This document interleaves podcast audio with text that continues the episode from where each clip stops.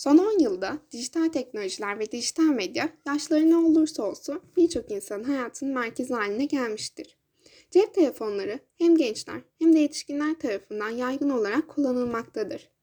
Instagram, Facebook, Twitter, Pinterest, YouTube, Spotify gibi sosyal medya uygulamaları milyonlarca sa- insan tarafından kullanılmakta. Çevrimiçi alışveriş, bankacılık ve devlet hizmetleri internet tabanlı hale gelmekte. Çevrim dışı, çevrim içi oyunlar tercih edilmekte. E-posta, ofis gibi uygulamalar neredeyse çoğumuz tarafından iş ve okul hayatında kullanılmaktadır.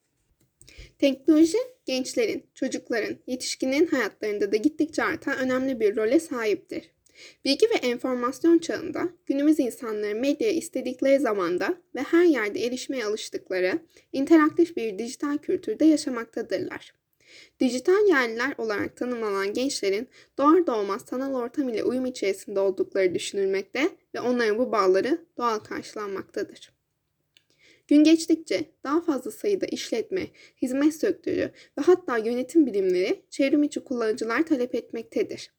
Bu nedenle dijital okuryazarlık becerilerinden yoksun vatandaşlar, sağlık, eğitim gibi devlet hizmetlerine ve sivil katılım fırsatlarına erişim ve istihdam edilme gibi konularda daha dezavantajlı duruma düşmektedirler.